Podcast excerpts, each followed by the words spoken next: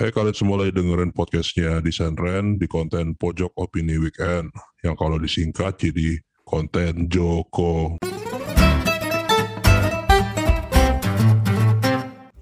Akhirnya podcast ini kembali uh, record lagi karena ya gue juga rada males-males buat terus-terusan update. Tapi ya udahlah. Kali ini kita bakal uh, sedikit ngebahas tentang yang lagi rame kemarin, baru aja kemarin nih, soal privilege dan layoff tentunya.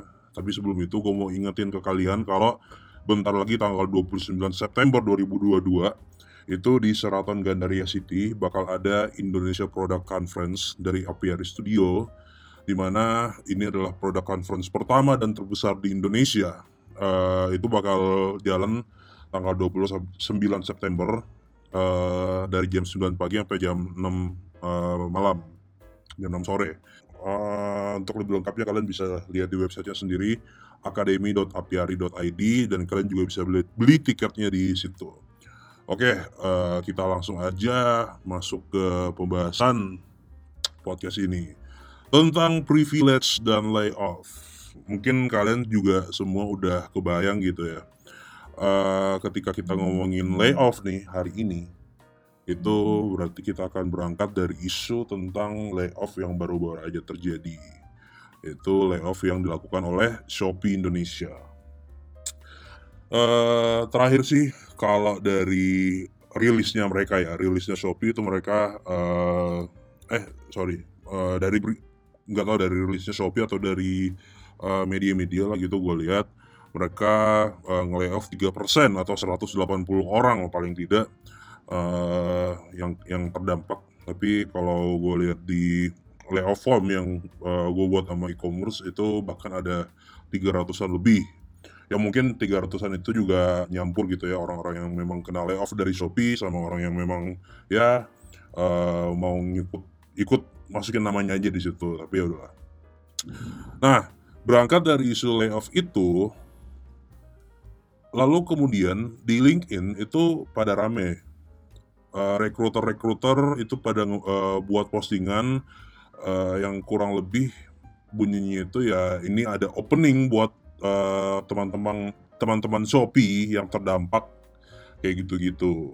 Jadi ya sebenarnya kalau mau dibilang sih ya ini se seperti uh, apa ya? Ya solusi lah yang ditawarin ke teman-teman yang terdampak gitu ya. Yang mana itu bagus kalau sebenarnya buat saya itu bagus. Lalu kemudian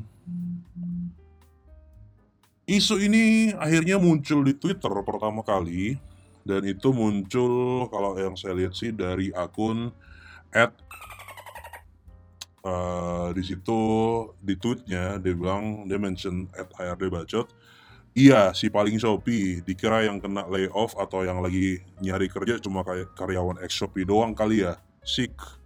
Terus di gambarnya situ ada tiga gambar gitu dari uh, talent acquisition sama dari recruiter. Di situ ya kurang lebih seperti yang tadi saya bilang uh, to anyone affected by Shopee layoff bla bla bla bla bla. Jadi mungkin di sini tuh dia kayak uh, kesel aja gitu ya kenapa uh, recruiter itu emang yang nyari kerja itu cuma karyawan Shopee doang kali ya. Benar-benar ya.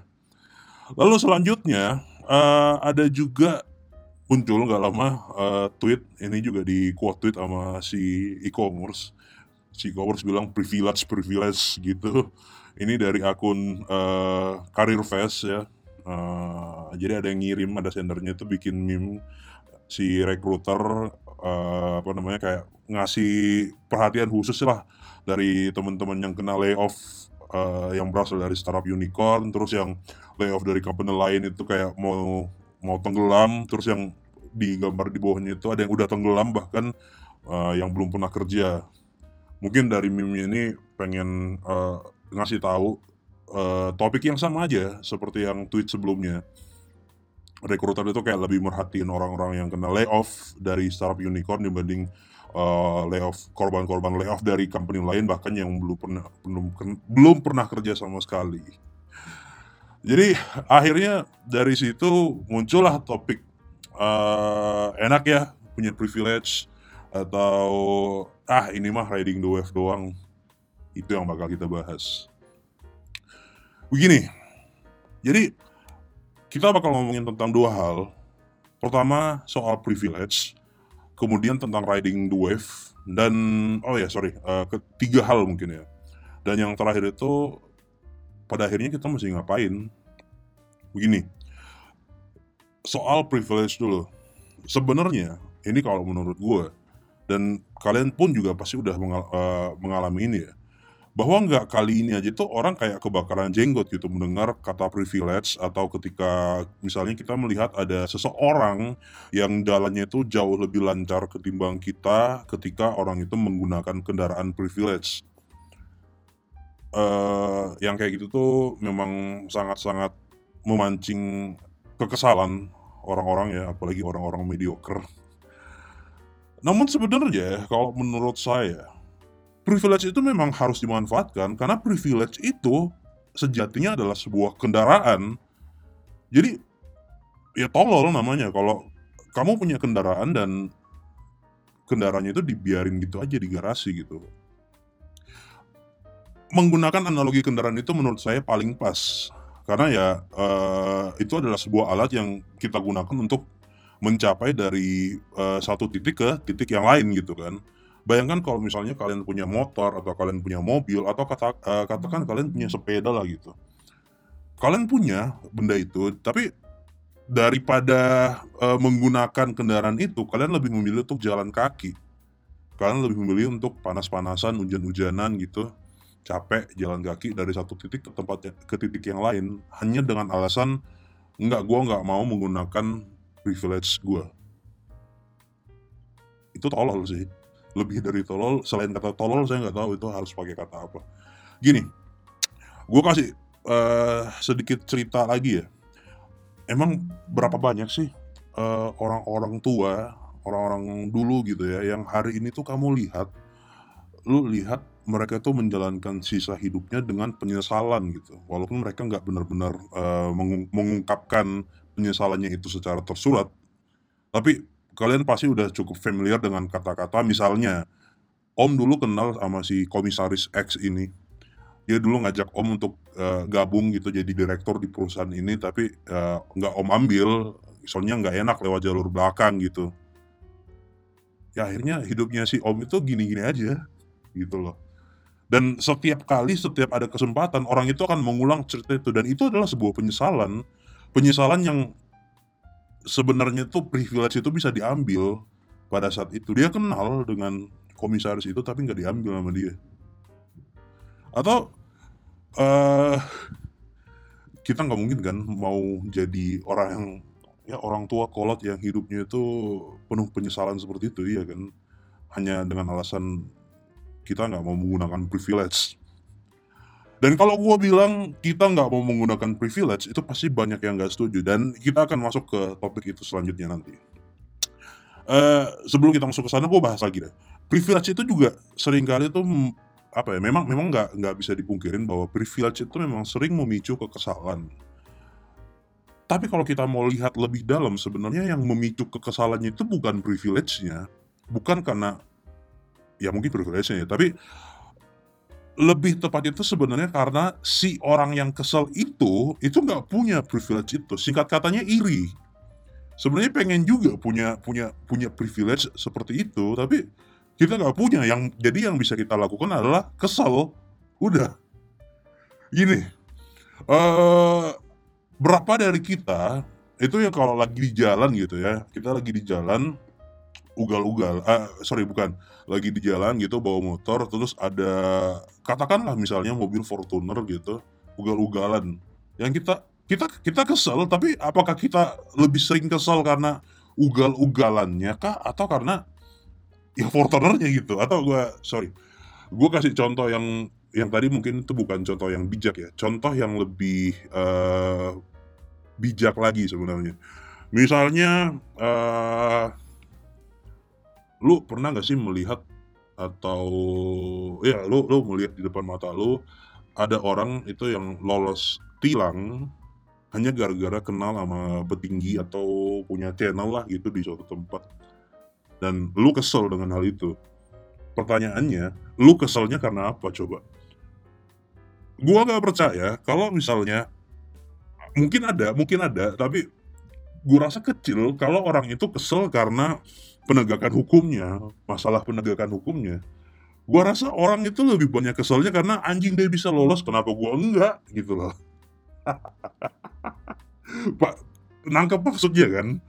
Ya, artinya ketika lu memiliki privilege itu, ketika lu uh, kenal dengan petinggi atau lu punya chance untuk lolos dari uh, tilang apa pun alasannya itu ya, apa pun caranya, lu juga pasti akan mengambil itu gitu loh. Sehingga kalau kalau menurut gue lagi-lagi kalau misalnya kita ngeributin soal privilege itu nggak apa ya nggak ya lagi-lagi kita pasti akan ngomongin soal iri. Udah itu aja sebenarnya singkatnya kayak gitu. Memang uh, privilege itu memang sering memicu kekesalan ya. Uh, gini misalnya kalau kita ngomongin soal topik privilege itu uh, yang sering memicu kekesalan ya contohnya di sebuah talk show gitu ada orang yang bilang gue mau mulai dari nol uh, mau mulai usaha ini dari nol bla bla bla. Namun ternyata si pembicaranya ini anaknya konglomerat apa gitu ya memang ini ngeselin gitu ngeselin kenapa lu nggak ngaku aja gitu bahwa ya bokap gue konglomerat gitu udah gitu aja nggak usah pakai embel-embel gue dari nol tapi terlepas dari itu dia menggunakan uh, kesempatannya itu bahwa dia itu anaknya konglomerat siapa, punya channel di mana-mana itu ya itu langkah yang bagus kalau kata gue. Jadi ya pada akhirnya ketika kita membahas tentang privilege, udahlah akuin aja kalau kita udah iri, iri aja gitu. Udah. Lalu yang kedua soal riding the wave. Uh, ada dua sisi sih sebenarnya. Pertama, Uh, jadi gini, soal yang riding the wave tadi itu kan ada yang, uh, bilang kalau misalnya, uh, apa namanya, si rekruter-rekruternya ini pada ya ikut-ikutan aja gitu, ada isu tentang layoff, terus mereka, uh, nge-mention kalau misalnya kalian yang impacted atau kalian yang kena terdampak dari, uh, apa namanya, layoff ini misalkan bla bla bla ada yang menganggap itu sebuah riding the wave. Gue melihat, uh, dari dua sisi ya sisi yang pertama uh, memang kita nggak bisa memungkirin bahwa ada-ada aja gitu uh, sebuah upaya company branding di mana uh, mereka mengikuti apa ya istilahnya ya isu-isu yang terkini gitu mereka bisa tap in ke sana untuk mendapatkan uh, image dari perusahaannya. Misalnya mereka membangun image yang baik atau ramah terhadap pekerja dan segala macam gitu. Walaupun sebenarnya itu nggak bisa terbukti kita sulit untuk ngebuktiin itu. Karena yang satu-satunya yang bisa membuktikan itu ya lagi-lagi orang dalam atau si uh, recruiter yang diminta atau company branding orang di bagian PR lah PR-nya itu yang diminta untuk melakukan hal itu gitu dan yang kedua uh, ingat ya kata kuncinya adalah hijack. Ini kalau kita ngomongin soal riding the wave, kata kuncinya adalah hijack. Jadi kalau yang pertama tadi itu yang uh, mereka pengen riding the wave uh, karena memang pengen uh, apa namanya branding ngebrandingin perusahaannya. Terus yang kedua kalau menurut gue adalah orang yang beneran pengen nge-hijack atau pengen ngebajak orang-orang X dari company yang di layoff. Gini, kata kuncinya adalah hijack, di mana uh, upaya seperti ini tuh bahkan sebelum layoff kalian udah tahu juga lah uh, saling bajak pembajak karyawan itu udah udah marak terjadi gitu kan. Hmm, gue mungkin butuh uh, afirmasi dari kalian juga mungkin yang uh, rekruter gitu bahwa uh, ngebajak karyawan lain yang saat ini sebentar aktif bekerja di sebuah perusahaan itu sulitnya minta ampun dan costnya itu gede banget pasti. Bayangkan ketika misalnya kalian uh, pengen hijack beberapa orang dari sebuah company yang udah cukup uh, bonafit gitu ya, udah punya nama, dan kalian punya kesempatan untuk nge-hijack mereka tanpa mengeluarkan effort atau cost segede itu ya melalui layoff ini. Ibaratnya gini deh, Lu ngelihat ada sebuah pohon, lu ngelihat ada pohon yang gede banget, dan lu suka sama buah-buahnya di atas gitu. Sementara untuk ngambil buahnya itu lu butuh ada uh, tiang, lu butuh tongkat, sus susah gitu kan. Nah, suatu hari pohon itu tuh diterpa angin, buahnya pada berjatuhan. Yang lu lakukan apa? Ya lu ambil lah buahnya. Tolol kalau nggak lu ambil. Kurang lebih seperti itu.